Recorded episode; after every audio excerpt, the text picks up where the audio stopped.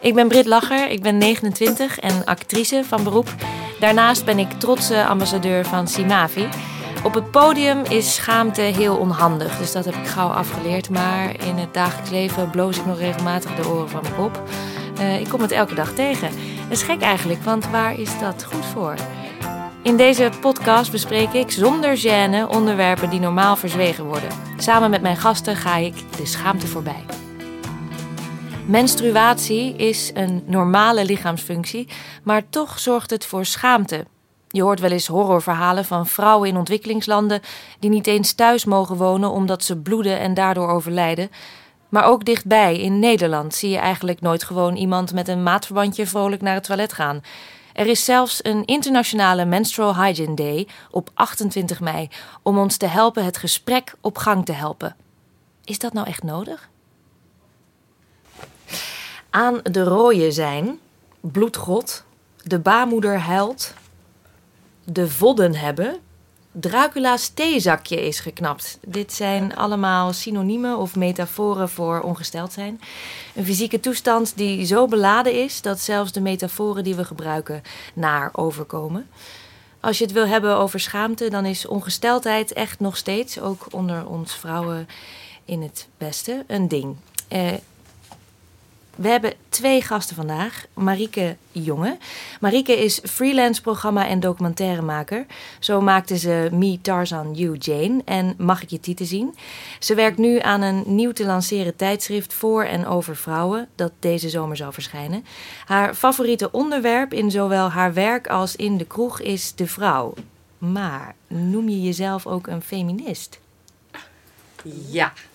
Volmondig ja. Absoluut, ja. Naast Marieke zit Hilda Alberda.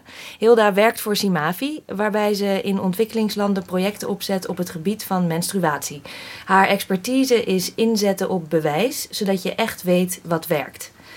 Aannames zijn gevaarlijk, toch Hilda? Um, nou, gevaarlijk, maar het is goed om ze te testen. um, hoe noemen jullie het als je ongesteld bent? Ik ben ongesteld. Meestal zag ik het gewoon, uh, ja.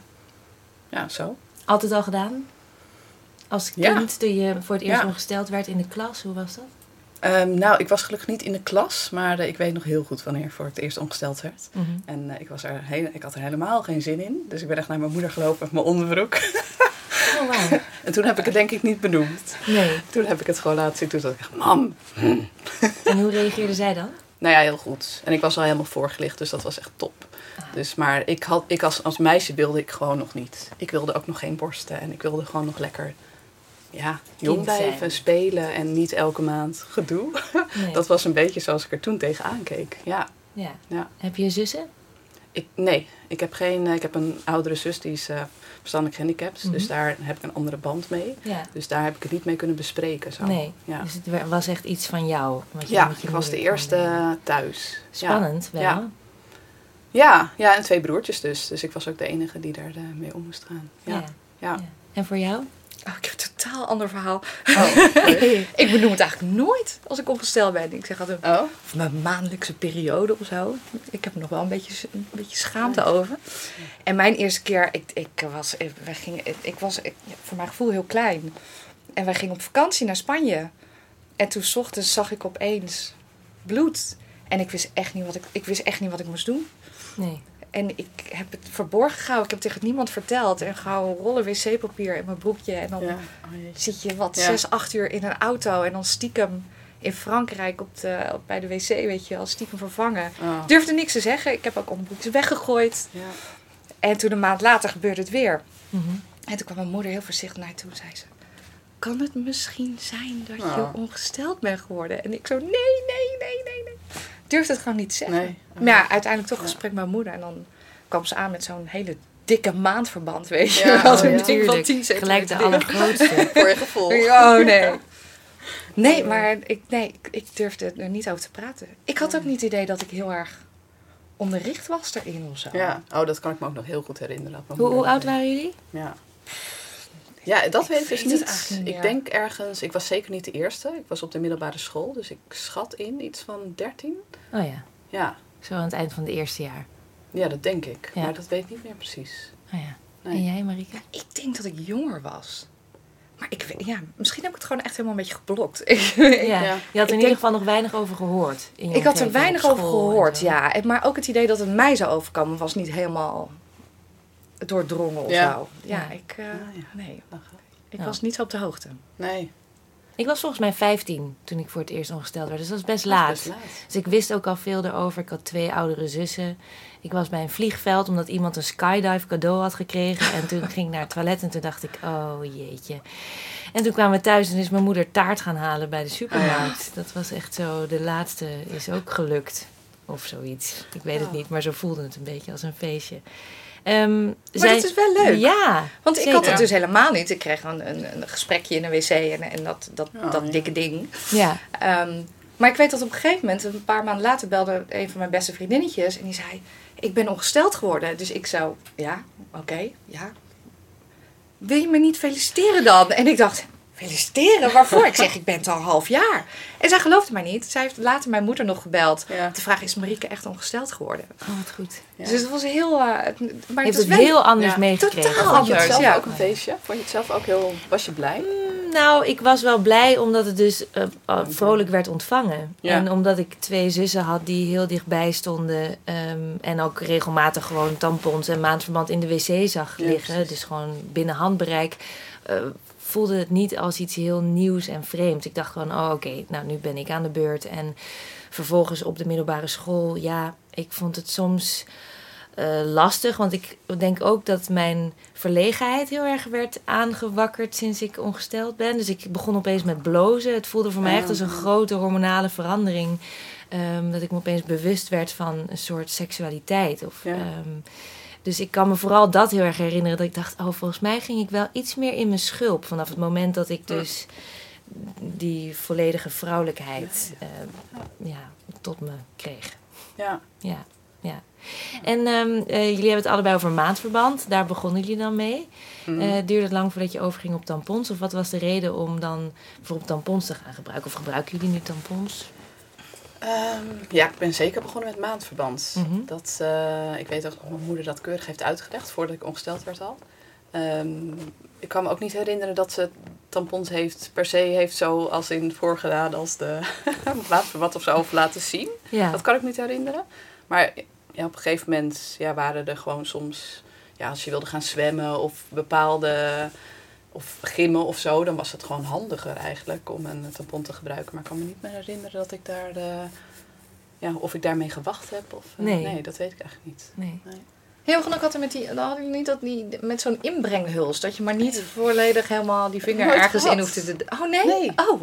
Ja, ja, ja. Ik vond die altijd zo handig. Nee, ik ook niet. Maar ik had meisjes uit de klas, als je dan om een tampon vroeg, die hadden zo'n lang ding. dat je dacht, oh, laat dan maar zitten. Uh, waar verstop ik die? Weet ik veel wat. Uh, of je kreeg inderdaad gewoon een, een klein tampon. Maar wij hadden thuis altijd de, de ja, reguliere zonder inbrenghuls. Oh, ja. Ik weet ook niet of ik helemaal weet hoe dat zou werken met zo'n stokje eraan. ik heb dat ook heel handig. ja, blijkbaar. Ja, ik heb die nog echt heel lang gebruikt. Ja, dat is gewoon, je schuift dat nou ja, je schuift die dingetjes in elkaar en dan ja, zit het erin. En dan is het erin. Ja. Maar ik weet dat ik dat heel prettig vond. En ik vond dat heel raar om zo'n klein tamponnetje en dan met je vinger naar binnen ja. en zo. Dat, ja, ja want dat is best wel een drempel natuurlijk ja. voor sommige mensen. Ja. Ja. En dan weet je ook niet hoe diep dat moet, weet je wel. En met zo'n huls was dat allemaal heel makkelijk. Ja, oh, voor het weet oh, zakt hij er weer uit als je het niet ver genoeg doet natuurlijk. Is oh ja, maar je voelt het wel. We, we zijn de straat op geweest. Dat is misschien wel leuk om nu oh. even te luisteren over of mensen zouden durven om een tampon te vragen. Durven mensen om een tampon te vragen? Dit is wat ze zeiden. Nee, dat zou ik niet doen. Ja, aan een vrouw wel, aan een man natuurlijk niet. Beter dan dat je straks uh, eens door zou lekken of zo. Het is me nog nooit gevraagd of zo. Kan je tampons of zo vermalen? Dus koop het gewoon. Als het mijn vriendin is, waarom niet? Haal het eruit. Nog niet. Stop het erin, allemaal goed. Als ik misschien later een vrouw heb, zou ik dat wel moeten doen. Ik denk dat hij echt heel kinderachtig zou zeggen, nee, doe zelf. Ik denk dat ik gewoon niet met iemand zou zijn die daar zo verkrampt over zou doen. Het is maar papier of zo, toch? Ik ben ook opgevoed door mijn moeder alleen. Dus ik heb vaak genoeg uh, tampons moeten rennen naar de badkamer om tampons te halen. Hey, uh, hoe is dat bij jullie? Bestaat het gewoon op boodschappenlijstje of, uh, of haal je het altijd zelf? Ja, dat is wel goed. Ja, ik, vraag, ik vroeg het wel eens inderdaad om het mee te laten nemen. Dus eh, op zich kon dat gewoon. Ja, ook eh, bij mijn ex-vriend ja, vroeg ik gewoon, wil je dat even meenemen? En daar deed je niet moeilijk over? Nee, het is meer het, het uitleggen wat je wil hebben. Er zijn natuurlijk zoveel merken Ja, en eh, verschillende dingen. Dus dat, eh, dat was meer het probleem, dat, dat hij dat erg vond. Ja. En in het openbaar? Aan een vreemde? Hoe Nee, voelt dat? Ja, je, je hebt natuurlijk altijd wel eens dat je s'avonds in de kroeg eh, in de wc ergens achterkomt. Maar dat gaat toch altijd een beetje fluisterend. Hmm. Heb ik het idee. Ik zou niet eh, aan een eettafel ten overstaan van iemand roepen: hé, hey, heeft er iemand nog een tampon in de tas? Het Nee. gaat toch altijd een beetje. Heb jij, eh, Ja. heb jij nog een tampon? En dan zo geef je het half met Ja. zo'n Ja, klein en dan handje zo door de hand overgeven. Ja. Wat is er gebeurd met die apparaten in de wc's? Vroeger kan ik me herinneren dat je gewoon een apparaat had, net zoals een, een, een frisdrankmachine, waar je tampons uit kon halen. Maar die zie je niet meer. Nog wel eens, Dat is volgens een mij. goed punt. Ja, maar Ja, ze worden, ze- ik zie ze in Amsterdam hier in ieder geval ja, nauwelijks. dat is wel een goeie. Is het dan een stap terug? Nou ja, op Eh, zich wel. Het ja. is natuurlijk wel super onhandig als je niets mee hebt. Ja. Ik heb ook altijd bij werkgevers, als je dan naar het toilet gaat en er staat daar maandverband of tampon, ben ik, vind ik altijd een plus. Dan denk ik altijd, Ja. oh wat fijn dat ze eraan gedacht hebben. En ik heb er ook vaak zat dankbaar gebruik van gemaakt. Ik vind dat altijd wel heel netjes. Ja. ja, ik vind het ook wel goed. Ja. Ja. Ja. Maar die apparaten, ja, weet ik eigenlijk niet. Maar hebben jullie ook niet dat, dat je elke tas standaard twee tampons hebt zitten?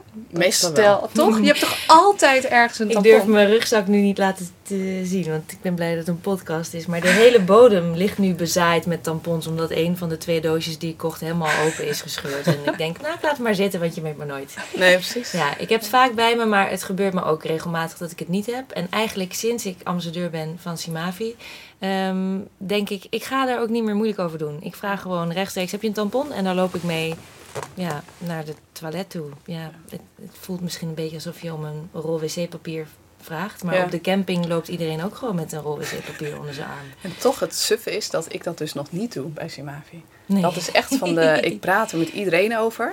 Maar uitgebreid eh, gewoon even van... Heeft er iemand... Nee. Dat Ja. is echt suf. En ik merk nog steeds dat ik, hem een beetje, dat ik ook gewoon toch een beetje sneaky erover doe. Ja. Terwijl het, nou ja, bij ons zou het toch de plek zijn waar je gewoon dat moet kunnen doen. Ja, Ja. echt bizar. En ook, ik bedoel, ik denk dat je liever iets van maandverband of een tampon hebt dan dat je doorlekt. Ja, ja natuurlijk. Gebeurt Ja. het jullie nog wel eens? Doorlekken? Ja. Ja, wel, het gaat heus wel eens fout. Maar niet, zo, niet zoals vroeger. Ik kan me herinneren dat het vroeger dat het ook meer een angst was. Nu eigenlijk, ja, dat gebeurt eigenlijk nooit. Maar Je, je kent je periode, om zo maar Ja. te zeggen. Je weet Ja. wanneer die zwaar is. Ja. Of, eh, ja. ja, het is niet meer... eh, Maar ik kan, vroeger was dat wel echt een ding waar ik me echt wel zorgen over maakte hoor. Heb je een anekdote? Is het een Nee, maar ik kan me gewoon nog herinneren. Oh ja, dat is vast... eh, ik kan me niet voorstellen dat iemand dat nog nooit heeft gehad. Mm. En, misschien, ik weet het niet, maar... Ja, nog nooit. Oh, hartstikke vaak. Expert in doorlekken. Ja, joh. Ach, zo'n ramp, ja. Ja, Vertel jij. Ja. Nee, nee, maar ik weet gewoon dat het natuurlijk gebeurt het soms. Ehm, en soms omdat je het, dat het onverwachts komt. Of ehm, ja, voor wat voor reden. Ja, gebeurt dat gewoon soms. En eh, ja, ik weet, maar ik denk ook gewoon vooral met bijvoorbeeld gymmen of zo. Of sporten. Ja. Dat het wel achter, ja, je was er toch mee bezig. Ja. Ik denk dat dat, eh, dat scheelt. Ja. Ja. Nou, we zijn heel erg nieuwsgierig hoor, Marieke. Ja, ik heb het nog steeds. En dat is ook een beetje, ik weet niet of jullie dat herkennen, maar ik heb bij mijn periodes dat de ene maand is het heel licht. Het zal wel met die eierstok te maken hebben. Zo. De ene maand is heel licht en de andere maand is heel zwaar. Mhm. Ja. En als ik die zware maanden heb, nou, dan ben ik er eigenlijk de hele dag mee bezig dat ik niet doorlek. Ja. En het gebeurt met regel. Ik weet nog heel goed. Het is, dit is echt heel gênant. Ik weet nog heel goed. Ik zat in een café in, eh, op het Leidseplein. En dat was een prachtige leren witte banken. En ik had een afspraak met iemand. En tijdens dat gesprek denk ik, oh, dat gaat niet goed. En dan voel je het ook lopen. Ja, en je denkt, oh, oei, oei, oei, oei, oei. En ik was een beetje dat gesprek aan het afronden. En ik denk, wat moet ik nou doen? Wat Ja. moet ik nou doen? En toen gingen we weg en ik sta op en ik zie gewoon op die Oh. witte leren bank gewoon echt een plas bloed liggen. En ik durfde er niks van te zeggen. Ik ben gewoon weggelopen. Oh, En wat. En ik, is en ik heb nog steeds, denk ik, wat als er een vrouw in een mooi wit jurkje daarop is gaan zitten. Ja, het is, Ja. ik had, ja, En dit is niet lang geleden nog. Dus was het was niet wil zeggen dat het lang geleden Nee, maar ik bedoel meer van, die was niet 14. Ik was geen 14. Nee. Nee, nee. Maar ja, het is wel heftig, hè? Ik durf het nog niet. Zo, eh, Ja. ja, vind ik wel pittig hoor. Ja. En ik, wat je, je vroeg net, ben ik een feminist? Ik ben een feminist. Ik vind Ja. het een belangrijk onderwerp. Ik vind dat we hierover moeten praten. En toch voel ik zelf nog steeds. Ja, hè? bizar. Ik vind het gênant. Ik vind het wel interessant waar dat dan vandaan komt. Ja. Ja. Waar dan die wortel ooit is, dat, dat, dat zaadje is geplant, waardoor je het daar zo moeilijk mee hebt. Geen idee. Toen Want je als net je had bloed hebt op je knie, bijvoorbeeld als je op je knie bent Ja. gevallen of zo, dan vraag je ook een pleister. Ja. Ehm, en dan mag iedereen het zien en dan nou, vraag je gewoon om hulp. Maar dan Ja. nu met zoiets wat voor jou als iets heel groots voelt, ehm, ben je eigenlijk, voel je eigenlijk onthand. En denk je alleen maar, ook wil je weg, ik schaam me kapot. Ja. Mhm. Ja. Waarom schaam je je wel voor bloed uit je baarmoeder, maar niet voor bloed uit je knie? Waarom denk je dan, ik mag om hulp vragen? Ja, dat is een goede vraag. Toen jij net vertelde van ik, ik had een link met seksualiteit. Misschien zit daar wat in, maar qua seksualiteit ben ik juist heel open en heel vrij. Dus ik, ik weet niet waar nou dat verschil ligt met menstruatie. Ik weet dat niet zo goed. Ik ben daar nog niet helemaal achter. Nee. En misschien heb ik het ook wel heel erg hoor. Dat zou ook kunnen. En voel je, Nou, voel je voldoende ingelicht over, over, over het gebruik van eh, bijvoorbeeld maatverband en tampons en zo? Ik kan me dat niet meer zo goed herinneren. Ehm, ik weet dat je het bij de biologieles kreeg. Mhm. En we hadden een heel lief biologiejufje, een heel klein vrouwtje met een boblijntje. Dat was heel schattig en die praatte met hele zachte stem als het dan hierover ging. Ehm, maar wat er precies Ik denk dat verteld- het dat vrouwtje is geweest van de biologielerares. Die heeft het Maar wat er dan precies verteld werd, weet ik eigenlijk. Ik weet dat niet meer zo goed. Nee. Het is me in ieder geval niet bijgebleven. Nee. Nee. En met vrienden? Ja. Met vrienden? Hebben jullie het met vrienden erover? Vriendinnen? Ja, daar kan ik het wel mee over hebben. Ja. Maar ik moet zeggen, vooral met vriendinnen. Ja. Ja. Dat, eh, ja. Maar ik denk wel, gewoon even terug op je vraag. Het is gewoon een taboe onderwerp.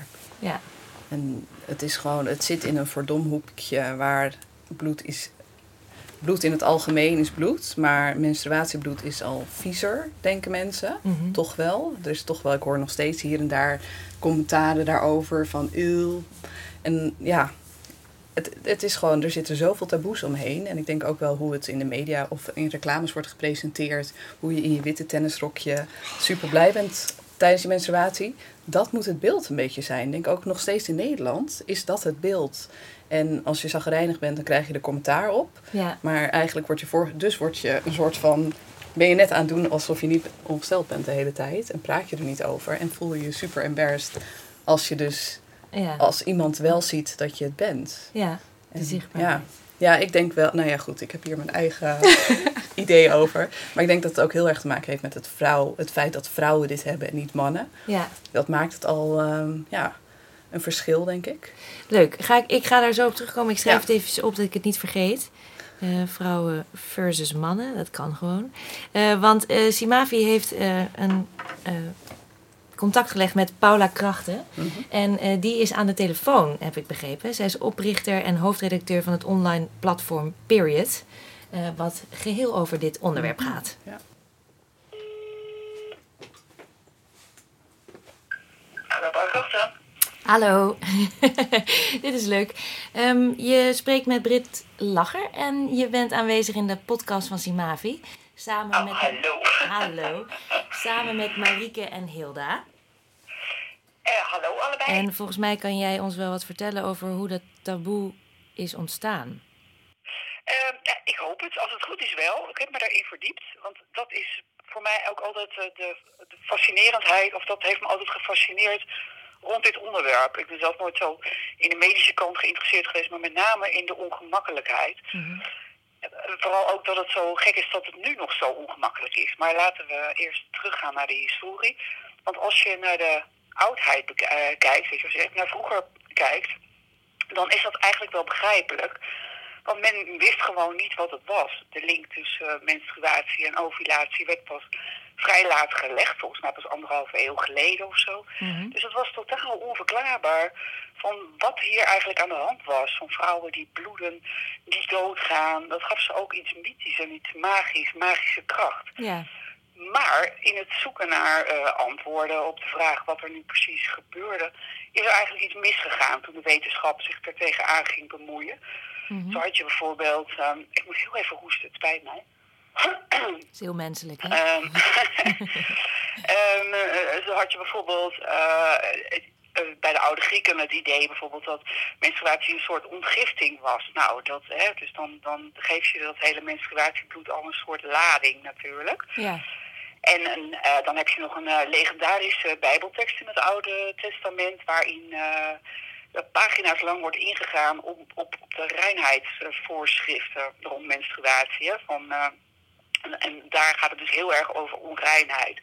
En dat idee, dat is een beetje blijven hangen, lijkt het wel, in ons collectieve geheugen. Want inmiddels weten we al lang natuurlijk dat menstruatiebloed niet giftig is. Mm -hmm. Althans, je kan natuurlijk via bloed uh, andere mensen ergens mee besmetten. Maar dat kan natuurlijk ook als je iemand in zijn gezicht hoest, bij wijze van spreken. Dus ja. eigenlijk is het een heel onschuldig uh, goedje. Maar nog, nog steeds kijken we er ontzettend negatief uh, tegenaan. Ja. En dat vind ik een heel interessant gegeven, want dan vraag je je eigenlijk af waarom met de kennis van nu. Ja, ja want hoe, hoe, hoe is dat nu? In vergelijking ja, met vroeger? Het ligt er een beetje aan waar je bent in de wereld, denk ik. Ja, want, want op zich uh, hebben we in het Westen natuurlijk wel de kennis. ik heb een hele westerse bril op, hè, want ik zit in Nederland. Dus, uh, ja. En eh, en het fascinerende vind ik dat het taboe hier groter was dan ik aanvankelijk dacht toen ik met Period Magazine begon. Mm -hmm. Want zelf kan ik gewoon vrij makkelijk over dit onderwerp praten met vriendinnen. Dus ik had niet door hoe enorm ongemakkelijk men het toch blijkbaar uh, nog vond en vies en uh, zo. Ja. Um, maar goed, je hebt natuurlijk ook, eh, als je bepaalde ontwikkelingsgebieden zit, dan mag je de brug niet oversteken. Je mag niet in je huis slapen. Nou, daar, daar kan uh, Hilda, denk ik, uh, heel veel uh, interessant over vertellen al. Mm -hmm. Dus dat vind ik wel het fascinerende, dat wij hier, we hebben onderwijs. We hebben in principe producten om die menstruatie mee te managen. Weet je, iedereen lekt wel eens door, maar ja. je hebt gewoon een soort comfort. Um, en toch, toch toch zit er nog iets uh, in de kern.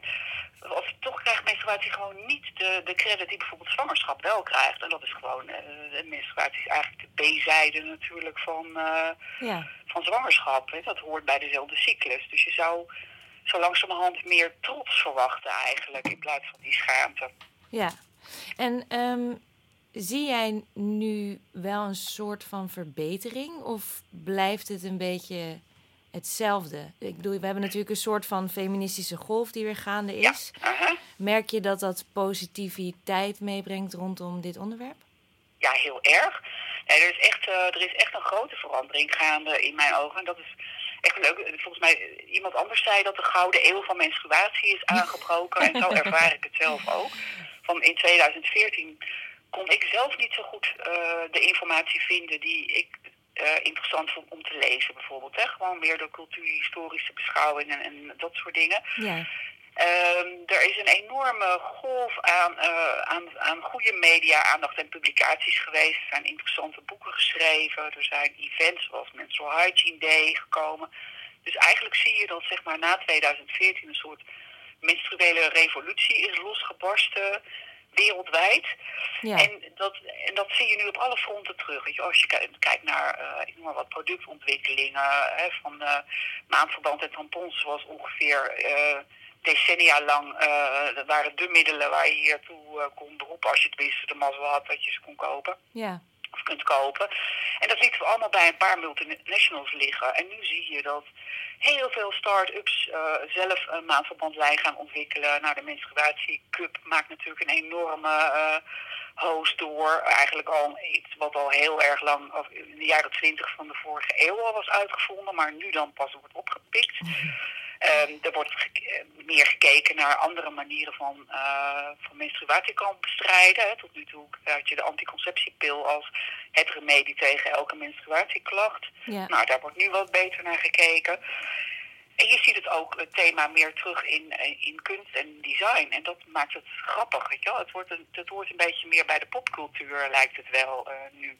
Ja. En het wordt nu ook wat meer omarmd. Zeg maar, jonge meiden nu uh, zijn veel meer bereid om toe te geven dat je dus wel degelijk wordt beïnvloed door je cyclus. Ja. Anders zou er ook iets niet goed zijn natuurlijk. Als je, als je de werking van je hormonen niet uh, voelt, dan is dat eigenlijk raar. Het zijn signaalstofjes bedoeld om iets in gang te zetten natuurlijk. Ja, want ik, ik, vraag, me, ik vraag me dan wel af, hoe jong zijn die meiden dan? Voor, nou, we hebben het over twintigers. Je ziet bijvoorbeeld op, op, uh, uh, bij studenten nu dat het onderwerp menstruatie veel vaker het thema is van een afstudeerrichting. en dan oh, kan het van de Design Academy student zijn, maar ook van gender studies bijvoorbeeld. Of, snap je? Dus het, het komt, of bij productontwikkelingen. dus je ziet het ja, je ziet toch een, een soort golfbeweging ontstaan, maar nog niet bij 14-jarigen, nee.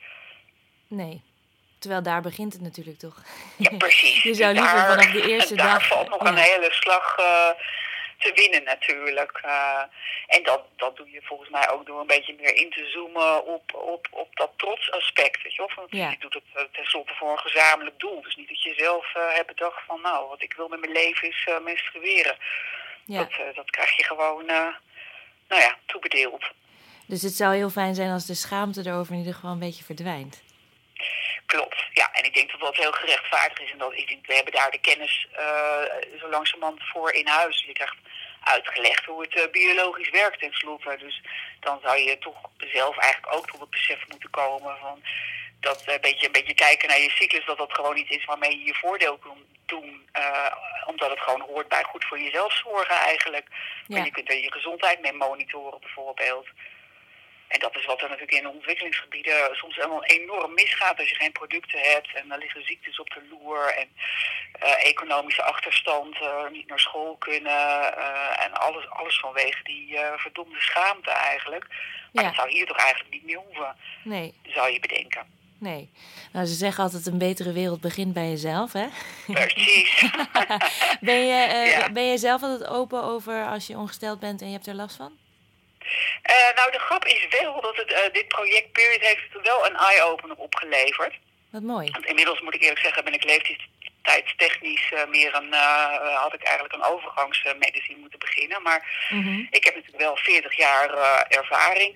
En zoals gezegd, ik heb me nooit zo geschaamd voor het onderwerp, omdat in mijn omgeving ik daar vrij makkelijk over kon praten. Van ik heb kramp of ik heb dit.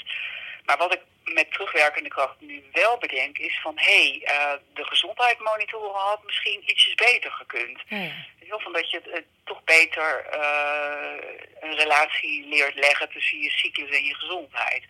Dus dat, dat aspect hè, van, uh, dat gold voor mij ook van uh, doorlopen met, uh, met klachten van die horen er nu eenmaal bij, weet je wel. Ja. Niet, en dat je eigenlijk niet zo nadenkt van wat is eigenlijk een normale menstruatie, van hoeveel pijn en hoeveel ongemak is eigenlijk normaal. Mm -hmm. ja. Dus daar, daar iets kritischer naar kijken, daar nou, dat had, ik, dat had ik achteraf misschien beter kunnen doen. En uh, had je er nog een, uh, een, een kekke bijnaam voor, voor je ongesteldheid? Of uh, er kwam net het woord ja, het nou, dat vind ik ook zo mooi, van zo ongelooflijk veel synoniemen er zijn, of eufemismen eigenlijk, om het hele onderwerp te omzeilen. Ik heb ooit gelezen dat er meer zijn door, dan voor vagina of voor seks of zo. En dat geeft aan hoe enorm dat taboe dus is.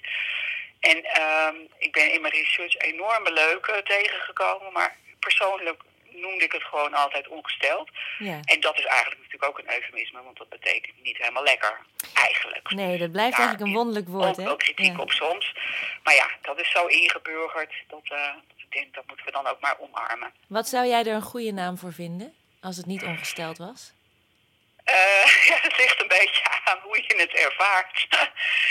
de feestweek heeft iets uh, uh, naars bijvoorbeeld. Weet je al, dat, dat, dat klinkt een beetje satirisch. Eigenlijk code rood, dat neigt dan weer naar enorme problemen ermee hebben. wat ik zelf een enorme grappige vind, gewoon denk, hoe kom je daarbij, is de, de rode Ferrari staat voor de deur. Ik denk, wie verzint dit gewoon? Oh, ja. En wat natuurlijk Gratis ook heel interessant is, is ongelooflijk veel van die eufemismen en dat, dat zie je in alle talen, hebben gewoon iets met eten te maken.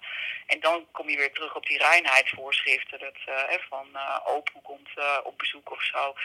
Dan denk je misschien dat opoe betekent menstruatie. Maar eigenlijk verwijst het naar het feit dat opoe vroeger echt langskwam om te koken. Omdat jij dat dan gewoon niet mocht. Ja. Dus, en dat vind ik ook dat vind ik wel grappige weetjes. Ja, zeker. Ik ook. Ik ook. Maar misschien heb jij, er, heb jij, heb jij zelf een, een mooie bijvoorbeeld? Een, een ander, nou, een voorbeeld heb ik niet echt, want ik, noem het eigenlijk gewoon ongesteld zijn. En ik Ja. ben er ook heel erg open over. En als ik een naam zou moeten bedenken voor, nou, dat deel van je cyclus. Ja, ik zou het niet zo goed weten, omdat ik dus ook Nee. heel erg gewend ben aan het woord ongesteld. Maar ja, het precies. dus dat is ook eigenlijk zo een, ingeburgerd inderdaad. Dan moet je eigenlijk Ja. niet zo heel veel. maar het is een ik negatieve connotatie eh, op een Ik bepaalde kijk eens manier. eventjes wat we hier nog hebben. Regels van de, dat is meer de Vlaamse benadering of de Belgische benaming vind ik ook wel erg grappig. Ja. Dat, dat geeft ook een soort regelmaat aan. Ja. Alle, alle linken met maan en maantijd zijn natuurlijk mooi. Mhm. Ehm, wat was nou toch ook weer een hele... Nou ja, Eva's vloek verwijst natuurlijk weer naar de Bijbel. Eh, dan je hebt ook echt best wel smerige. Van aan de flats en aan de kledder en zo. En ehm, de vlag wappert, die vind ik dan eigenlijk ook wel grappig. De rode vlag wappert, die zie je ook in allerlei culturen terug. En eh, de Engelse taal heeft wel van die grappige dingen als Shark Week en eh, Surfing the Crimson Wave en dat soort dingen. Dat moet ik ook wel om lachen altijd. Ja, ja. Ja, dan is misschien I'm in my period of at my period. Ik weet niet wat het goede woord is. Ja, period wel- betekent ook natuurlijk, eh, is eigenlijk wel een veel gebezigd eh eufemisme. En die, die naam heb ik toen ook gekozen, omdat het ook betekent voor het, magazine dan punt erachter. Weet je wel? Ja, Period ja, betekent zeker. gewoon punt. Ja. Van het eind van het verhaal. Dus dat was ook een beetje van, nou stop nou eens een keer met die eh, onzinnige schaamte. Ja, Omarm het nou eens gewoon als wat het is, namelijk gewoon een natuurlijk fe- fenomeen. En, en er is ook best wel iets aardigs over het, eh, het hele verhaal te vertellen. En dat vind ik soms ook wel jammer van de Nederlandse benadering, eh, benadering dan vooral. Wij gaan altijd heel erg uit hier van het probleem. Hè, van het medisch probleem en van de last en van de dingen. En ik mis vaak de humor die je bijvoorbeeld in het Engels taalgebied wel hebt. Mhm. Dat zie je bijvoorbeeld in heel veel comedies. eh, nou, of filmpjes of stand-up comedy eh, worden ook ontzettend goede grappen gemaakt. Nou, hier, als je een beetje naar een satirisch tv-programma kijkt, dan gaat het over poep, ontplofte ballen, seks, weet ik veel. Je kan ze niet benoemen. Maar het lijkt net alsof we hier dan toch nog een beetje eh, dit niet zo goed aandurven nog. Dus en dat vind ik ook zo fascinerend. Dat zelfs als je, als je zeg maar naar de westerse wereld kijkt, dan hè, dat je een Ja. verschil hebt tussen Engelse humor en Nederlandse humor. ja, Dan zie je, dan denk je van, of Amerikaanse humor, dan denk je, nou, daar zijn ze iets behoudender hè, Mhm. dan bij ons. Maar dat valt dan toch een beetje tegen, als je het, zolang je het over ongesteldheid slash menstruatie hebt. ja.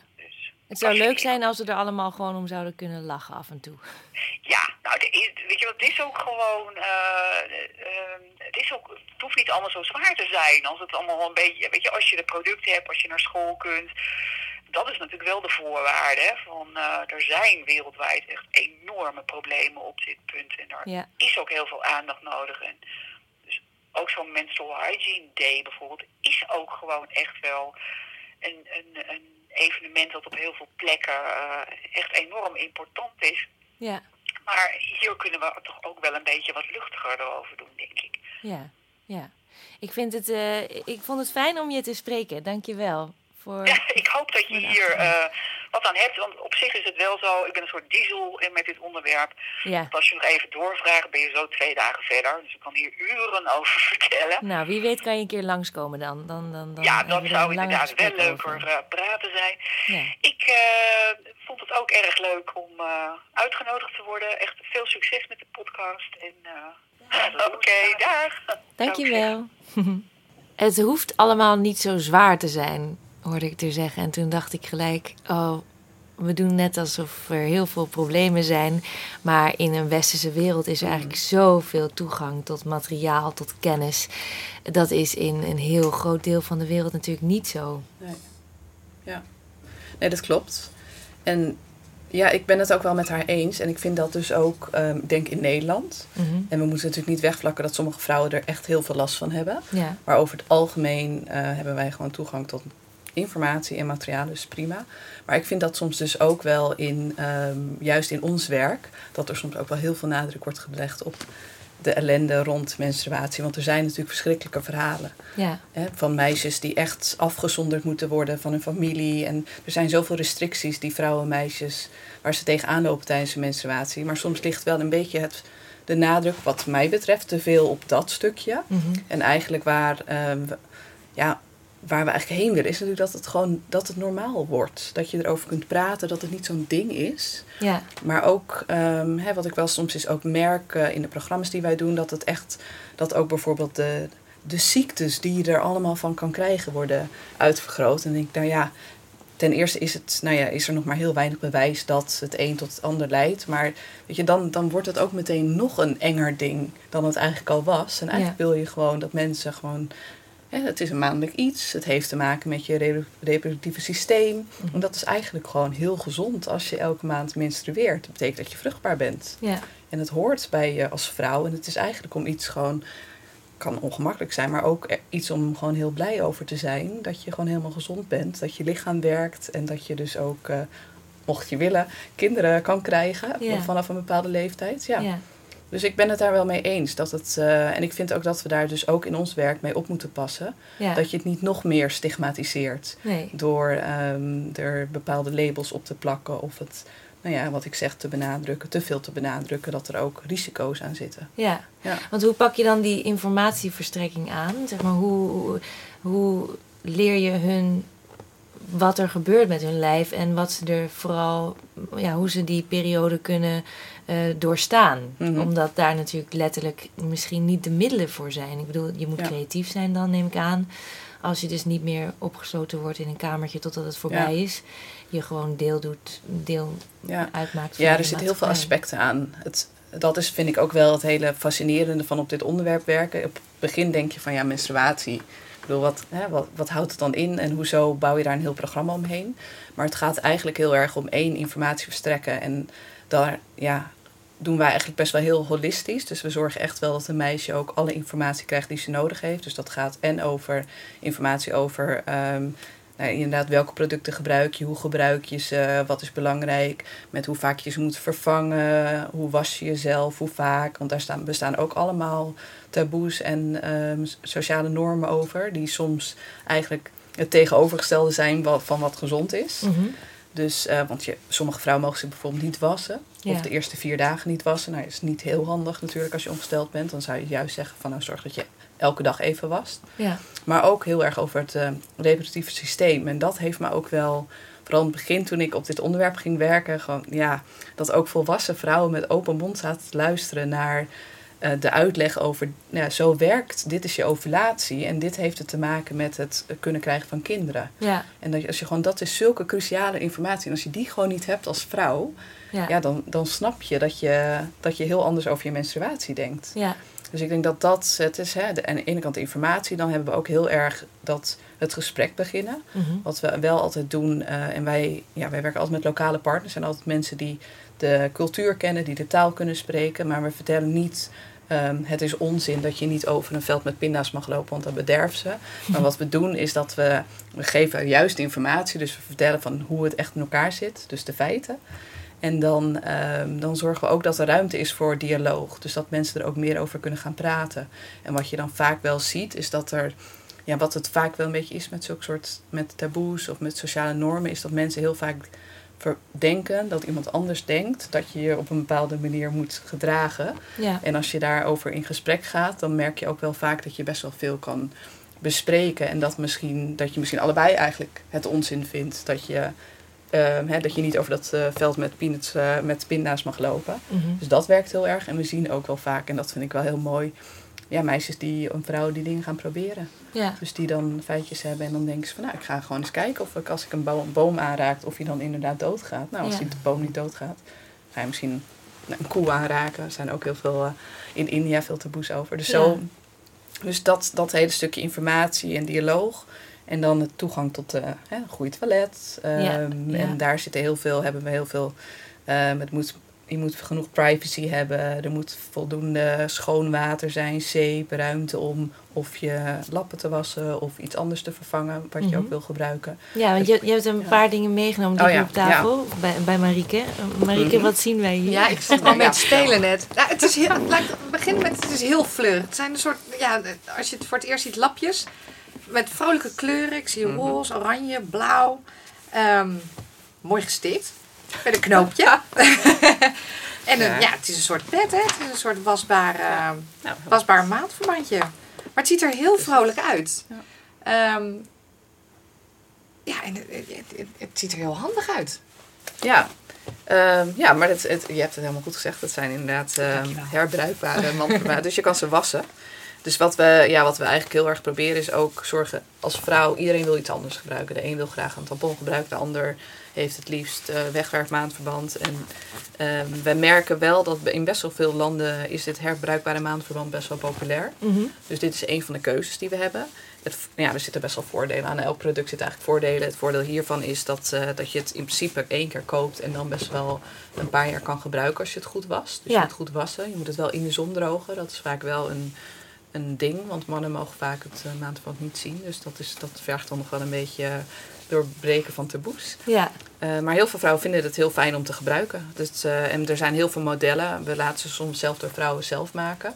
Dus dan is het helemaal eigenlijk goedkoop. Ja. we hebben projectjes waar je dan inderdaad vrouwen iets laat maken en verkoopt. Ja. Maar uh, ja, dus dit is een van de, de opties. En we hebben ze in alle soorten en maten. Want sommigen willen kleine maandverbandjes. Sommige, ja, we zien vaak ja, oudere vrouwen. Die hebben graag iets, uh, nou, iets stevigs. Uh, ja, ja, iets groot, groot gevoel dat dat beter werkt, denk ik, uit ervaring. En dit is dus herbruikbaar? Ja, dus dit kan je wassen. Ja. Dus um, in, ja, er zijn ook wel wasvoorschriften voor hoe je dit dan best kan wassen. En dus ja, even weken, want je moet het bloed eruit, de bloedvlekken eruit krijgen. Ja. Van, heel erg in detail. Maar als je dat met warm water doet, dan uh, nou ja, brand je er eigenlijk een soort van in. Dus je moet het even in koud water weken. En dan uh, kan je het nog, als je wil, met wat warm water eventueel daarna wassen en wat zeep. Ja. het weken is heel belangrijk. En dan, wat wij altijd zeggen, is in de zon hangen, want dan doodt het ook de bacteriën. Oh, wow. Dus mensen hebben natuurlijk geen wasmachine. Nee. Dus dan is dat eigenlijk wel een hele belangrijke stap in het geheel. Zou jij zoiets gebruiken, herbruikbaar maandverband?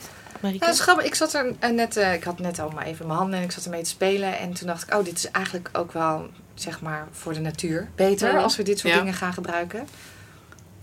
Toch heb ik een klein druppeltje. Ja. ja, ja. Um, maar wat ik er heel erg leuk aan vind, en, nogmaals, het, is dus, het ziet er heel fleurig uit, die, die, leuke kleuren. Dat maakt het ook allemaal wat, minder eng. En um, ik denk ook voor jonge meisjes wat aantrekkelijker om misschien te gebruiken.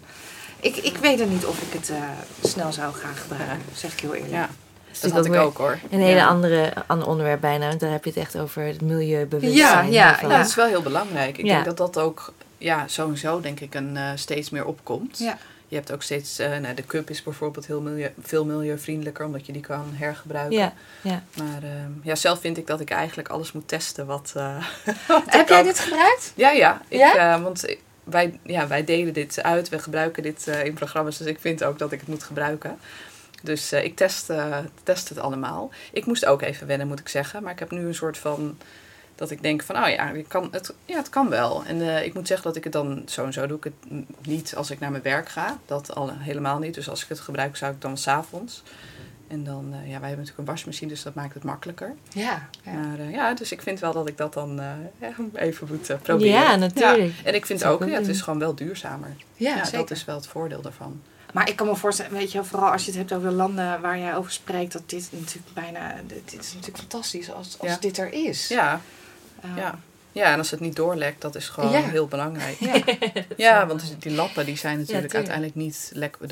Dus er worden heel veel verschillende dingen gebruikt, maar over het algemeen zien we toch wel vaak lappen. Dus gewoon overgebleven stukken lap. Ja. En uh, soms ook stukjes sari. Nou, tegenwoordig is alles een beetje synthetisch, dus dat is heel ongemakkelijk. Ja. Dus als je dan zoiets hebt en het uh, lekt inderdaad niet door, is het ja. En je kan het één dingetje nog hiermee. Niet alle vrouwen hebben ondergoed. Dus dat is dan. Oh. Dus je hebt dus ook wel. Um, dit ook zo met wegwerpen maandverband varianten waar dan een soort van riempje aan zit. Dat mhm. je het om kan eh, binden. Oh, Dus dat is soms nog wel, weet je, dat zijn die assumptions waar we het in het begin over hadden. Ja, ja als je met zo'n product aankomt en een vrouw, uh, bijvoorbeeld vrouwen in India, die hebben niet altijd ondergoed nee. aan. Dus dan, dan moet je nou product op dus aanpassen. Dus ja, dus daarom geloven we ook heel erg in het meenemen van vrouwen in het ja. Het ontwerpen van zoiets. Want ja, wij willen ook zelf kunnen kiezen wat we gebruiken. Ja. En ja, maar gewoon de, de gewone grote brands hier, die worden natuurlijk ook allemaal uitgebreid getest en ja. gecheckt of vrouwen ze wel kopen en uh, fijn vinden om te gebruiken. Ja, ja eh, Hilda, ik herhaal het even. Jij um, weet hier zoveel van omdat jij projecten implementeert in ontwikkelingslanden voor Simavi. Ja, dat is klopt. Ja. En Marieke, jij bent uh, programmamaker. Ik moest net denken over het taboe waar we over begonnen. En wat jij zei over mannen mogen niet zien dat we het drogen in de zon. En eerder natuurlijk in het gesprek over uh, of het een uh, mannen- en vrouwen ding is. Mm -hmm. um, Marieke, zou jij, of vind je, denk jij dat je met jouw platform eigenlijk, of met jouw bereik, zo'n taboe, taboe makkelijker kan doorbreken? Goeie vraag. Um, ik denk het wel. Ik denk dat de enige manier waarop je taboes doorbreekt is door, nou, wat, wat hier gebeurt, dus erover te praten of te laten zien. Uh, maar ook te laten zien op een manier dat, dat je er niet over praat. Het klinkt heel raar. Laat ik dat nu wat meer uitleggen. Dus als je uh, ongesteldheid en menstruatie gewoon meeneemt in bijvoorbeeld interviews of in gesprekken of in items in. Als normaal zonder dat je daar heel veel aandacht aan besteedt. Ik denk dat dat uh, uh, helpt om een taboe te doorbreken. Ja. Dus laten zien in plaats van mm -hmm. er heel veel aandacht. Weet je waar jij het ook over hebt van als er dingen zijn die ze niet mogen doen, je kan wel zeggen je mag dat niet doen, mm -hmm. maar dat helpt ja. niet zo goed. Ja. Um, dus ja, ik denk dat er middelen voor zijn. En uh, om, uh, wat Paula ook zei, van als het meer terugkomt in populaire cultuur, hè, uh, dan, dan helpt dat ook. Het is gewoon dat het normaler en normaler en normaler wordt. En dat doe je alleen door het mee te nemen in alles wat je in mijn geval maakt. Ja. ja. Ik denk dat het, ja, dat kan. Ik maar ook, ik hoor. denk niet ik dat binnen een week gebeurt. ook. Nee, dat denk ik ook niet. Ik zit nu te denken aan mijn eigen uh, uh, volgers of zo. Ik heb er nog niet heel erg veel. Maar ik heb het gevoel dat in mijn vriendenkring bijvoorbeeld wel al iets heb losgemaakt. door zelf, sinds ik ambassadeur ben, ja. um, wat opener te zijn over het hele gesprek. Als ik repeteer bijvoorbeeld, dan kom je niet onder het moment uit dat er ook een repetitiedag gaat zijn waarop ik ongesteld ben. Ja. En ik heb op de eerste twee dagen, uh, ik heb een koperspiraal sinds, uh, sinds twee jaar. En die eerste dag is echt bijna ondoenlijk. Als ik, dan, dan ja, ben ik vaak geneigd als ik moet werken om gewoon medicatie in te nemen om het te kunnen doorstaan.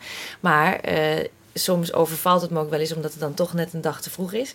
En dan sta ik echt op de uh, repetitievloer met... ja jongens, sorry dat ik even niet aansloot in tekst... maar mijn baarmoeder valt gewoon uit mijn lijf, voor mijn gevoel.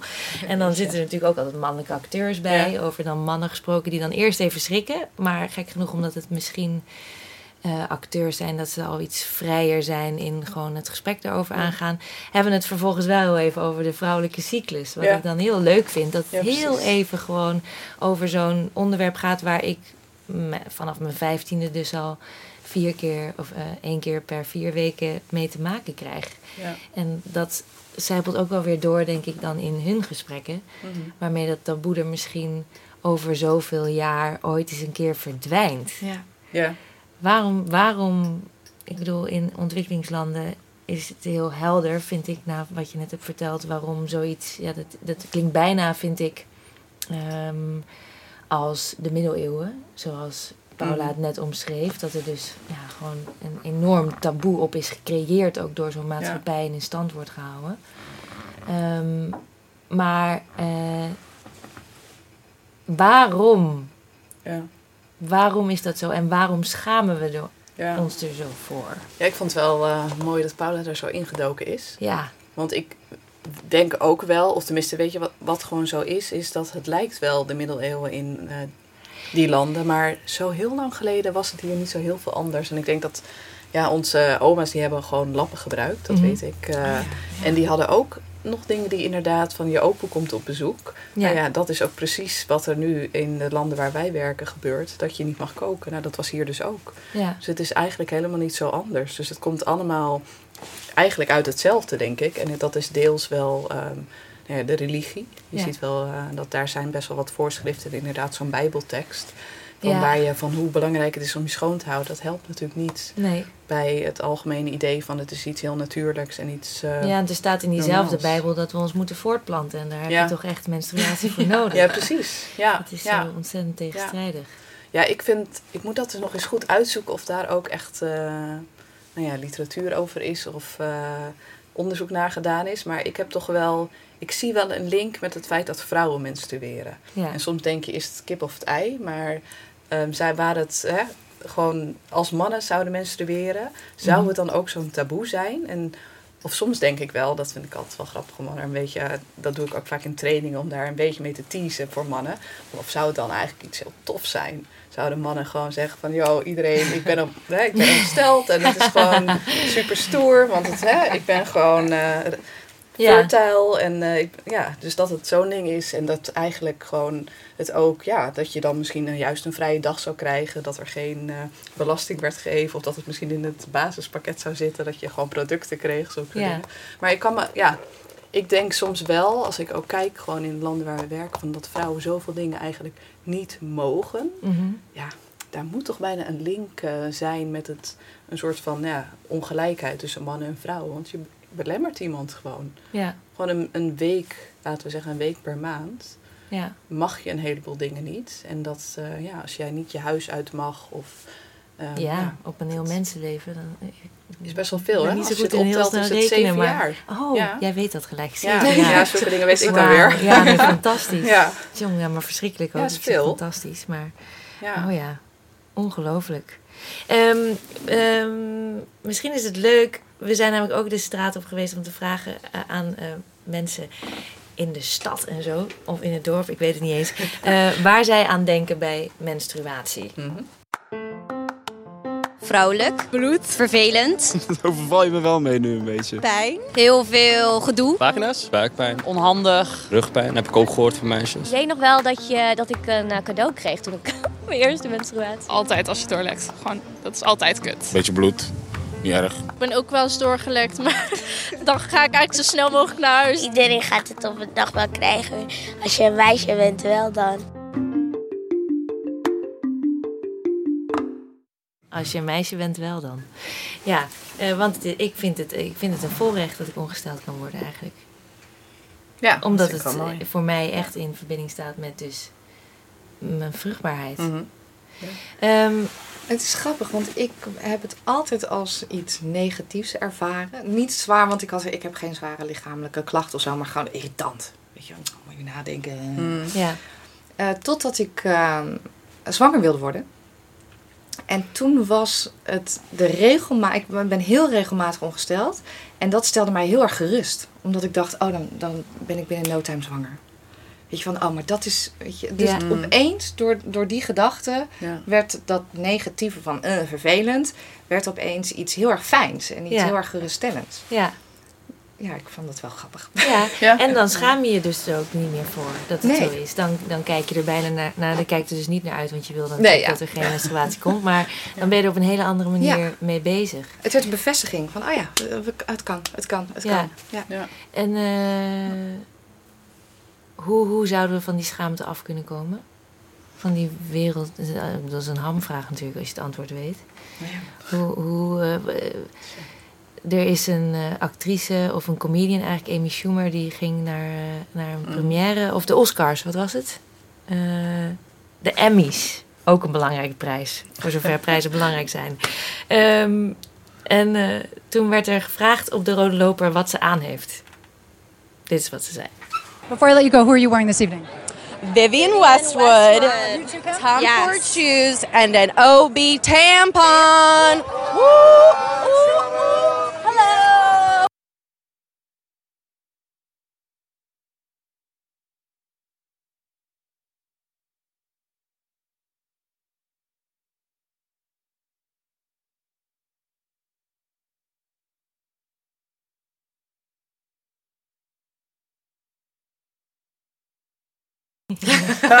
Mooi wat je aan hebt. Ja, ik heb ook een, eh, een tampon in. Of gewoon tijdens, Nou ja, tijdens dit is gewoon een beetje nodig om mensen uit de schulp te trekken. En daar Ja. geloof ik wel in. Als je echt iets uit de taboesfeer wilt halen, dan, dan werkt dit heel goed. Dan denk Ja. ik dat je gewoon... Soms ja, moet je mensen dan een beetje chockeren. En ehm, er zijn natuurlijk heel veel manieren. Ik denk ook dat het gewoon heel belangrijk is om eh, gewoon open gesprekken erover te hebben. En het hoeft niet alle, altijd te chockeren, maar ik denk die combinatie, dat het wel werkt. Ja. En, En moeten we als vrouwen zelf die strijd voeren? Of kunnen de mannen daar ook een handje bij helpen? nou, die kunnen daar wel bij helpen, denk ik. Ik denk dat het begint bij vrouwen onderling. Dat ook. Ik Ja. denk dat hè, ehm, sowieso als je het hebt over strijd, vind ik tussen mannen en vrouwen, dat, dat vrouwen onderling ehm, elkaar daarin wat meer moeten steunen en Mhm. eh, elkaar moeten helpen. Ehm, Ik denk dat dat altijd de basis is. En mannen erbij betrekken. Ja, kijk, zij hebben er eigenlijk natuurlijk niet zo heel veel mee te maken. Zij ervaren het niet, kunnen het ook niet begrijpen. Kan je ze ook niet aanrekenen, weet je wel? Ze, ze voelen het niet. Dus ja, hoe, hoe, leg, je, hoe leg je een kramp uit in je Ja. baarmoeder? Ja, dat, dat is niet uit te leggen. Maar dat hoeft toch ook niet per se? Want ik vind het wel heel belangrijk dat, dat we juist dat gesprek met mannen aangaan. Ook dat ze, want dat zie ik dus deels ook in mijn werk, gewoon het feit dat ze snappen wat het is. Dat is al heel wat. Dan houden ze er rekening mee. Of dan, en ik denk ook het open gesprek hebben. Gewoon het kunnen benoemen dat je menstrueert. En dat je er last van hebt. Of dat je even een pakje tampons moet halen. Ik vind dat wel heel belangrijk. Ik ben het ook met je eens hoor dat wij al als vrouw daar iets in kunnen doen. Maar ik denk wel dat mannen daar eh, kunnen helpen. Nou, ik, eh, kijk, ik bedoel niet dat, dat mannen er niet bij betrokken moeten worden. Alleen ik denk niet dat we bezig moeten zijn met mannen te overtuigen van het ongemak van ongesteldheid. Nee, ik vind dat dat- dan ook weer een soort tweedeling oplevert. Van, Mhm. oh, die Ja. vrouwen hebben ongemak, weet je. Ik vind niet... Maar, het is me- Maar dat ja. ze even een keer een pakje tampons moeten halen, dat vind ik gewoon, dat, dat Ja. moet wel kunnen. En, ehm, Maar ik vind wel, het is natuurlijk ook meer dan ongemak. Hè? We hebben het ook gewoon over, over een taboe. Iets wat heel erg in de taboe-sfeer zit. En ik vind ook dat ehm, als ik radio luister en een radio-dj zegt van "Eeuw, menstruatiebloed en dat is echt goor. Dan denk ik van ja, dat helpt natuurlijk niet heel erg. Nee, dus ik denk ook als mannen anders naar menstruatie kijken. Als ze ook daar, menstruatie is iets natuurlijk. En wat, wat Paula ook zei, dat het bloed is gewoon bloed. Ja. Er is ook, ja, het is niet giftig of wat, het, wat ze vroeger dachten. Mhm. Ik denk dat dat heel erg helpt. Dat ook, want voor mij is gewoon een heel stuk is gewoon dat openlijk kunnen zeggen. Dat is heel erg belangrijk en daar zit de man ook bij. Maar ja. ik En gewoon een, een halfjaartje allemaal even geen eh, tampons gebruiken. Allemaal de free bleeding, zoals het heet. Ja. Heb je daarvan gehoord, Marieke? Free bleeding? Zeker, zeker. Ja, ik heb ook wel eens beelden daarvan gezien. Ehm, ik vind dat best een lastige, omdat als ik die foto's zie, dan denk ik ook, oh, eh, moet dat nou? Mhm. Eh, maar mijn feministische aard zegt, ja, goed zo, doe, ga dat, hè, doorbreek die taboes. Dus ik zou zelf niet zo snel eh, lekker freebleedend door de stad heen fietsen. Maar voor wie dat wil, vooral doen. Misschien is het wel bevrijdend. Ehm, ik, ik weet niet zo goed of dat eh, helpt bij het doorbreken van taboes. Misschien wel. Misschien zou dat eh, de oplossing zijn. Ja, het, Het choqueert vooral, denk ik, toch? Dat denk ik. Want je denkt ja. ook, als je eh, je broek aan hebt, ja, voordat je de vlek er weer uit hebt. Ik denk Ja. dan ook heel praktisch. Dus ja, Ja. was ehm, technisch. het is ook gewoon wel een beetje een gedoetje. Ja. ja. dat lijkt mij ook. Ik zou er zelf ook niet voor kiezen, maar ik vind wel. Ik geloof wel een beetje in dat, dat juist iets doorbreken door een beetje te choqueren. Daar geloof ik wel in. En ik vind ook wel dat, ja, dat je eigenlijk als vrouw gewoon moet kunnen kiezen wat jij fijn vindt. En als jij gewoon zoiets hebt van ja, ik heb geen zin in tampons. Dat het, weet je, dat heeft ook te maken met dat verhaal van jou met, het, eh, met die witte bank. Ach, Dan is dat bank. gewoon niet zo'n ding meer. Nee. En dat is, zou wel Nee. onwijs veel schelen. Nou, en ik denk wel dat. En je hebt je ook wel eens van die fotoreportages van, van meisjes die doorgelekt zijn. Kijk, dat vind ik dan. Weet je, dat vind ik dan weer heel erg goed. Van laat zien dat dat gebeurt. En laat zien, weet je, aan hoe los je dat op en hoe ga je daarmee om. Mm. Dat, dat vind ik dan wel weer. ehm, eh, iets wat we veel vaker zouden moeten zien, ook in media en in populaire cultuur. Ja. Eh, of eh, wat Paul ook zei, als het een keertje onderdeel is van een verhaallijntje in een, eh, in een comedy of zo, weet je Ja. wel. Ja, Ja. waarom zou je daar niet een verhaallijntje van maken? Waarom gebeurt dat eigenlijk nooit? Ja. Ja. Ehm, dus da- da- dat vind ik Ja. dan absoluut weer eh, de moeite waard om eh, te laten zien. En het voordeel is, het wordt wel besproken. hè? Want ik zag het toevallig, eh, nu kijk ik niet heel veel tv, maar de- bij RTL Boulevard. Toen hadden ze daarover. Oh, goed. Dus Ja. dat, dan denk ik van ja, nou ja, dat dus wel weer. Ja. Dus ik denk dat, eh, dat vind ik wel het Je voordeel. creëert gewoon zichtbaarheid. Ik Ja. denk dat Ja. dat gewoon belangrijk Ja. is. Zodat er een gesprek kan Precies. ontstaan Ja. aan de koffiemachine. Op welk kantoor dan ook. Ja, al wil je dan ook niet dat ze alleen maar heel erg negatief erover praten. Je wil eigenlijk dat Ja. er dan wat een misschien iets constructiever gesprek over eh, Ja. menstruatie wordt gevoerd. Maar, ja. Ik zat van de week in, eh, in een café met twee vrienden en hadden we het hier over, over vrouwencyclus, over mannencyclus. En toen kwam ook het gesprek op tafel over eh, verlof rondom je Oh ja, ja. ongesteldheid. Dat sommige vrouwen zoveel last ervaren ehm, Mhm. er, dat ze zich afvragen, moeten we dat opnemen in het contract? Ja. Wat vinden jullie daarvan? Ja, het is een, een ding. Want uh, wij zien dus dat in, ik hou het natuurlijk een beetje bij, maar dat het in uh, steeds meer landen dat dat gebeurt. Dat dat uh, ook wordt opgenomen in de wet. Dat vrouwen inderdaad één dag vrij kunnen krijgen elke maand, omdat ze, wanneer ze ongesteld zijn. Mm -hmm. Ja, ik vind dat zelf, ben ik daar niet echt een voorstander van. Um, want wat, ja, wat ik vooral vind, is dat we... En menstruatie is voor iedereen anders. En als ik naar, kijk naar mij persoonlijk, kan ik gewoon werken. En zie ik helemaal niet in waarom ik een dag vrij zou moeten hebben. Um, maar er zijn natuurlijk vrouwen die wel echt last hebben. En die moeten gewoon zich ziek kunnen melden. Want wat dat betreft, je hebt echt aandoeningen rond menstruatie ook... waar je gewoon niet door kan werken. Ja, ja. dan ben je gewoon ziek. Ja. Dus, en wat het lastig is met het hè, zo echt gestructureerd in een uh, wet meenemen... is dat je gewoon als vrouw eigenlijk meteen nog een dag minder werkt... of twee dagen dan mannen. Ja. En dat je, ja, het, het bevordert niet, wat ik denk, eigenlijk niet echt de gelijkheid nee. Uh, tussen mannen en vrouwen. Ik denk wel goed, het is heel goed, begrijp me niet verkeerd, dat het, hè, dat het geaccepteerd wordt dat het er is. En dat Ja. als, je, als het nodig is, dat je die tijd op kan nemen. Ja. Of dat er misschien flexibiliteit is, of noem maar wat. Zoals we misschien ook met andere dingen omgaan. Ja. Hè, met een verhuizing of een, noem maar wat, dat, je, hè, dat het geaccepteerd is dat je er misschien last van hebt. Dat Ja. vind ik heel belangrijk, dat je misschien thuis kan werken. Ja. Maar het moet vrouwen niet nog een stukje achter mannen zetten. Nee, ik ben Ja. er helemaal mee eens. Ik Ja. ook. Ik deel die mening enorm. Ja. Ja. Je maakt het onderscheid alleen weer groter en Ja. het wordt juist kleiner. Maar ja, waarom zou je eigenlijk niet gewoon ziek melden inderdaad als je ongesteld bent? Nou, als je er echt last van hebt. Ja, Ja. moet je Ja. jou ziek kunnen melden. Ik denk dan wel ook ziek melden. Dan heb ik weer het gevoel alsof het iets, iets is wat dus, waar je ziek... ziek daar heb ik ook weer een negatief beeld bij als Ja. je ziek bent. Ja. Terwijl je kan er natuurlijk wel ziek van zijn. Mhm, ja. Dus ik zit gewoon nu even te Ja. denken wat ik dan... Want ik wilde net inderdaad zeggen... Je hebt gewoon eh, ziektedagen, toch? Je kan, ik ben Ja. ZZP'er, dus ik heb geen idee. Maar je, je kan gewoon Mhm. zeggen, ik ben een, Ja. een dag ziek.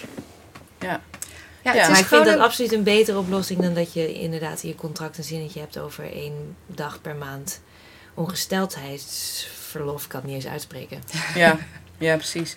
Nee, maar ik denk ook, nou goed, ik weet, de meeste van mijn vriendinnen kunnen gewoon werken. Ja. Maar ik heb ook een vriendin die er echt heel veel last van heeft. Ja. En dan denk ik wel van ja, daar wil je, daar zou je graag flexibiliteit willen hebben. Ja. Dus dat, dat kan ik me voorstellen. En ehm, soms ben je, er, ben je echt ziek, inderdaad. Sommige, kijk, er zijn ook, zeg je dat in het Nederlands, endometrose. Mhm. Dat, dat, is, ja, dat is eigenlijk een, een ziekte. Ja. Dus dat klinkt inderdaad meteen heel negatief. Maar het is wel echt een aandoening waar je heel veel last van hebt. Dus Ja. dan denk ik van ja, dat is gewoon geregimenteerd dat je dan verlof opvraagt. Ja. Ja. en verder zou je dat zelf als vrouw moeten kunnen inschatten. Ja. Ja. Altijd maar hopen dat het op je vrije dag gebeurt. Nou ja, als je er veel last van hebt. Ja, Ja, ja, ja. zeker. Ja. Ja. En we hebben natuurlijk hier in het Westen daarin ook dan wel weer medicatie als je dat zou willen gebruiken. Ik bedoel, als Ja. je echt moet presteren, als ik moet draaien. Ja. eh, als ik een draaidag afzeg, dan kost dat tussen de 30 en 60.000 euro voor een producent. Dus Ja. echt ziek, de show must go on is in mijn Ja, beroep precies. echt heel erg aan de hand. Ja. Dus ik mm, heb nu zo'n app waarin ik mijn cycle bijhoud. En ik voel het ook heel, heel erg aankomen omdat ik geen hormonen meer gebruik. Maar ik denk dan altijd gewoon, ja, oké, dit wordt zo'n dag. En ik kan er maar beter gewoon eh, een aspirine in gooien. En Ja. is Maar dat is toch ook oké, want dat is dan je Dat is eigen dan ook keuze. oké, dat is dan ook mijn keuze. En dat is denk ik het belangrijkste, dat je zelf kan kiezen Absoluut. wat je ermee doet. En als jij denkt van nou, ik kan dit gewoon aan en ik wil, ik wil deze baan, dus ik ga gewoon knallen. Ja. Dan is dat oké. En als andere vrouwen zeggen van ja, ik liever niet, dan is dat ook oké. Ja. Ja. Ja. Ja. Ja. denk ik wel. Oké, nou, dus we zijn het erover eens dat die eh, verlofdagen wat ons betreft, dat zijn dan met drie vrouwen in één ruimte, eh, wat dat betreft Hmm. geschrapt kunnen worden. Maar er zijn nog meer van dit soort ehm goede ideeën, of geen goede ideeën. De menstruatiecup. Dat is een, eh, een, een heel ecologisch verantwoord eigenlijk nieuw ontwerp. Wat dus eigenlijk al heel lang bestaat, maar we nu pas aan het hypen zijn. Ja. Ehm, Hilda, jij was laatst in Editie NL omdat een aantal meiden een petitie waren gestart omdat ze vinden dat het vergoed moet worden in de eh, basisverzekering. Klopt, inderdaad. Ja, echt een superleuk initiatief. Dat is een groep studenten die dat eh, heeft opgezet. En ehm, ja, ik denk op zich ben ik er dus helemaal voor om iets in het basispakket op te nemen. Mhm. Want er zijn, eh, er zijn gewoon vrouwen in Nederland eh, die dat waarschijnlijk niet kunnen betalen. Het is in Nederland nog niet echt onderzocht. Mhm. Maar eh, bijvoorbeeld in Engeland is dit echt een heel groot ding. Dat noemden ze het period poverty. Mhm. Dus daar, is het echt, eh, daar hebben ze ook echt onderzocht dat vrouwen, dat er echt wel wat vrouwen, volgens mij 1 op de 10, dat ze zeiden, dan ehm, nou ja, moeite hebben om eh, of maandverband of iets anders te kunnen betalen als ze ongesteld zijn. Ja. Dus ehm, nou ja, als je nu kijkt, er zijn natuurlijk, ja, we hebben hier ook voedselbanken. En we, ja, er zijn genoeg gezinnen die wel echt eh, moeite hebben om rond te komen. Mhm. En dan is maandverband of tampons zijn nog best wel duur. Ja. Als je een aantal vrouwen in het gezin hebt en elke maand dat moet kopen. Dus ik kan me heel goed voorstellen dat het in Nederland ook eh, een reëel probleem is. Ja. Dus en wat ik zelf eigenlijk. ehm, ja, over een cup is natuurlijk een, een super eh, uitvinding. Ik, eh, ja, ik, het is een heel mooi eh, idee. Het heeft heel veel voordelen. Maar ik, niet iedereen wil een cup gebruiken. En daarom zeg ik wel, ehm, ik vind het heel goed om iets in de basisverzekering op te nemen. Maar zorg dan dat een vrouw kan kiezen wat ze wil gebruiken. Mhm. Sommige vrouwen ja, willen gewoon geen cup gebruiken. Hebben liever tampons of misschien maandverband. Ehm, ja, dus daar moet je wel de keuze in hebben. Want het is ook wel lastig als je een vrouw eigenlijk een soort van stuurt in wat ze moet gaan gebruiken. Ja. Dus ik zou zeggen, ehm, ja, zorg of voor een soort van vergoeding of iets dat een vrouw ehm, ja, zelf kan kiezen wat ze ervan koopt. Ja. Ja. Denk je dat het gaat lukken? Denk jij dat het gaat lukken, Marieke? Zou zo Ik hoop het, want ik vind het echt een ontzettend goed idee. Ik heb er nooit zo over nagedacht, maar nu ik er zo over denk, denk ik...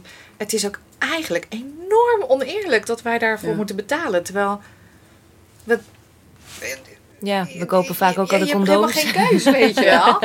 Ja, precies. Ja. Wij Ja. kopen ook condooms. Dus dan ergens moeten... ehm, dus ik, ja, ik vind dat dat in een basispakket moet. En dan het zou het fijn zijn als er inderdaad keuze is. Maar ja, ja dat moet. Ja, op de Gaan barricade. Ja, precies. Ja, ik vind... Ik, Misschien ja. kan je nog tekenen, de petitie. Nou, ik ga, Even even, ik opzoeken. ga hem even opzoeken. Ja. Ja, nou, of dat dan per se die cup moet zijn, dat weet ik dan niet. Want dat, omschrijf je heel goed. Dat, dat er natuurlijk een heel groot verschil is tussen wat vrouwen willen gebruiken. Maar eh, ja, ik, was, ja ik, ik wil die petitie tekenen. ja. Ja, en daar, ik denk dat daar ook gewoon niet zo heel veel over na wordt gedacht. Nee. En je ziet dus wat jij ehm, ook zei met belastingen. Dat, dat leeft ook in heel veel landen. Dat er Mhm. best wel hoge belastingen worden geheven op, eh, op maandverband of op andere producten voor vrouwen. Ja. Die ze gebruiken tijdens de menstruatie. Ja. En dat dat eigenlijk ook een basisbehoefte is. Dus je ziet eh, in landen als India dat er echt wordt geprotesteerd door vrouwen. En dat die, tak, die tax, die belasting daarvan af wordt gehaald. Want hier in Nederland is dat 6% volgens mij. Ja, het is het lage tarief. Ja. ja. ja. Maar dat is dus wel echt, denk ik, een ding dat er gewoon meer mannen in de regering en de overheid zitten. Mhm. Ja. Want als daar de helft vrouw was, was dit al lang geregeld. Toch? Ja, dat denk ik ook. Ja. Ja, ja ik denk sorry, dat even het, eh, feministisch nee, ja. ze zijn sport. Nee, dat mag. Zit op één lijn. ja. Daar mogen we trots op zijn. Toch? Dat die, dat die mogelijkheid er misschien is. Ja. Ja. dat vind ik ook. En eh, ik denk dat, maar dit geldt voor heel veel onderwerpen. Als vrouwen meedenken, dan krijg je vaak wel andere resultaten. Vrouwen Ja. hebben gewoon andere behoeftes. En menstruatie is daar één voorbeeld van. Maar ook eh, bouwen blok wc's. Ja. Ja, maar ja, probeer als vrouw waar is in Nederland, eh, als je in de openbare ruimte bent, eh, een wc te vinden. Als je, nou ja, en als je ongesteld bent, is dat best wel onhandig. Ja. En mannen die kunnen overal even gaan Ja. staan, nou ja, bij wijze van. Maar ja, Ja. dus dat... ja. Het gesprek is volgens mij altijd het belangrijkst. Dat je het in ieder geval dan over hebt. En of het nou een regering is of inderdaad via Mhm. zo'n editie NL of meiden die dus dit idee verzinnen. Ja. Gewoon het, het gesprek erover is zo belangrijk om volgens mij die schaamte voorbij te komen. Ja. Wat we natuurlijk nu ook proberen te doen door middel van deze podcast. En ik denk dan, waar moet je beginnen? En dan denk ik altijd de jeugd, de jonge meisjes. Maar ik hoorde jou eerder zeggen over dat dan informatieverstrekking heel erg Mhm. belangrijk is. Hoe is Ja. dat in Nederland op dit moment? Ja, ik heb hier ook geen cijfers van, maar ik weet wel, ook van eh, vriendinnen die lesgeven, dat er eigenlijk nog best wel veel meisjes zijn die, geen, eh, die eigenlijk geen informatie krijgen. Nee. En die ook schrikken van een menstruatie. Ja. En dat eh, was voor mij ook een eye-opener, want ik weet dat dus van de landen waarin wij werken. Mhm. Maar daar had ik dus nog nooit over nagedacht dat dat ook in Nederland een ding is. Ja. Dus daar, dat kunnen we wel beter doen. En wij zijn best wel. we- Ik denk dat wij onszelf zien als vooruitstrevend. Ook met ehm, educatie over ehm, seks bijvoorbeeld op scholen. Maar dat valt toch nog wel hier en daar een beetje tegen, denk ik, hoe uh, goed we jongeren informeren. Ja, en kinderen willen het volgens mij ook vaak zelf ontdekken. Of het nou gaat over een toffe serie, een leuk speeltje of dus informatie. Dat je zit natuurlijk in een soort nieuwsgierige periode waar nu het wereldwijde web natuurlijk zo toegankelijk is. Mhm. YouTube, influencers. Iedereen wil vlogger, vlogster worden. Uh, kunnen we daar een, uh, uh, een lans breken, zeg je dat? Nou, ik denk dat daar ook weer meespeelt is... Um, je zegt, we moeten erover praten, maar ook gewoon laten zien dat het er is. Dus als, weet ik veel, mhm. de vloggers van deze wereld ongesteld zijn dat ze ook gewoon zeggen: Oh, uh, ik moet nog even tampons halen. Of uh, oh, nee, ik ben vandaag ongesteld. Ja. dat, dat je dus niet er een heel groot onderwerp had van maakt, maar gewoon meeneemt in de dagelijkse handelingen, de dagelijkse dingen die je doet. Dus ik denk dat zeker voor vloggers daar, daar absolute ruimte voor is om, om daar aan mee te werken. En een verantwoordelijkheid misschien ook? Ja, dat, dat, ja, dat, hangt van de vlogger zelf. Ja. maar ik vind het wel, wel grappig, want ik ontdekte laatst een keer uh, morning rituals op YouTube. Dus dan mhm. heb je nou ja, ook vooral meisjes, denk ik, vrouwen die dan uh, laten zien wat ze dan doen in een ochtend. Maar dit komt er niet in voor, volgens mij. Nee? dus dan denk oh. ik van ja, ja, dat is toch wel. Weet je, je hebt zoveel van hoe doe jij dat nou? En ik weet niet hoeveel, ik heb daar eigenlijk nog nooit naar gezocht, maar hoeveel filmpjes zijn er over hoe ga jij eigenlijk met je menstruatie om? En dus ja, ik kan me voorstellen dat het best wel nuttig is om dat van een ander te horen. Van ja, wat vind jij? Hè, hoe, hoe doe je dat dan? Inderdaad, heb je altijd iets mee? Of track je het in een app en zulke soort dingen? Dat het best wel nuttig is om dat te bespreken. Ja. ja. Nou, we kunnen het straks even opzoeken op YouTube. Ja, wie weet. Ja. Dank jullie wel voor dit gesprek, Marieke, Hilda. Ik vond het echt heel erg interessant en sowieso ook fijn, toch, om het als vrouw hierover te hebben. Mm. Dat je soms, nou, ik kan dan soms nu denken, ik ben echt een westers, westers verwend kind met alle middelen die er zijn. Maar we kunnen ook nog dat vooruitstrevende, dat plant ik dan maar in mijn hoofd. Dat het fijn is dat we vooruitstrevend kunnen zijn. Mhm. ja. ja. zeker weten. Ja, ja vond het ook leuk. Wel. Dankjewel. ja. Ja, ik ga even petitie tekenen. Ja, doen. Ik ga even mijn maatverbandje wisselen. Ja, precies. Even laten fantastisch zien. Wil je meer weten? Ga dan naar simavi.nl slash de schaamte voorbij.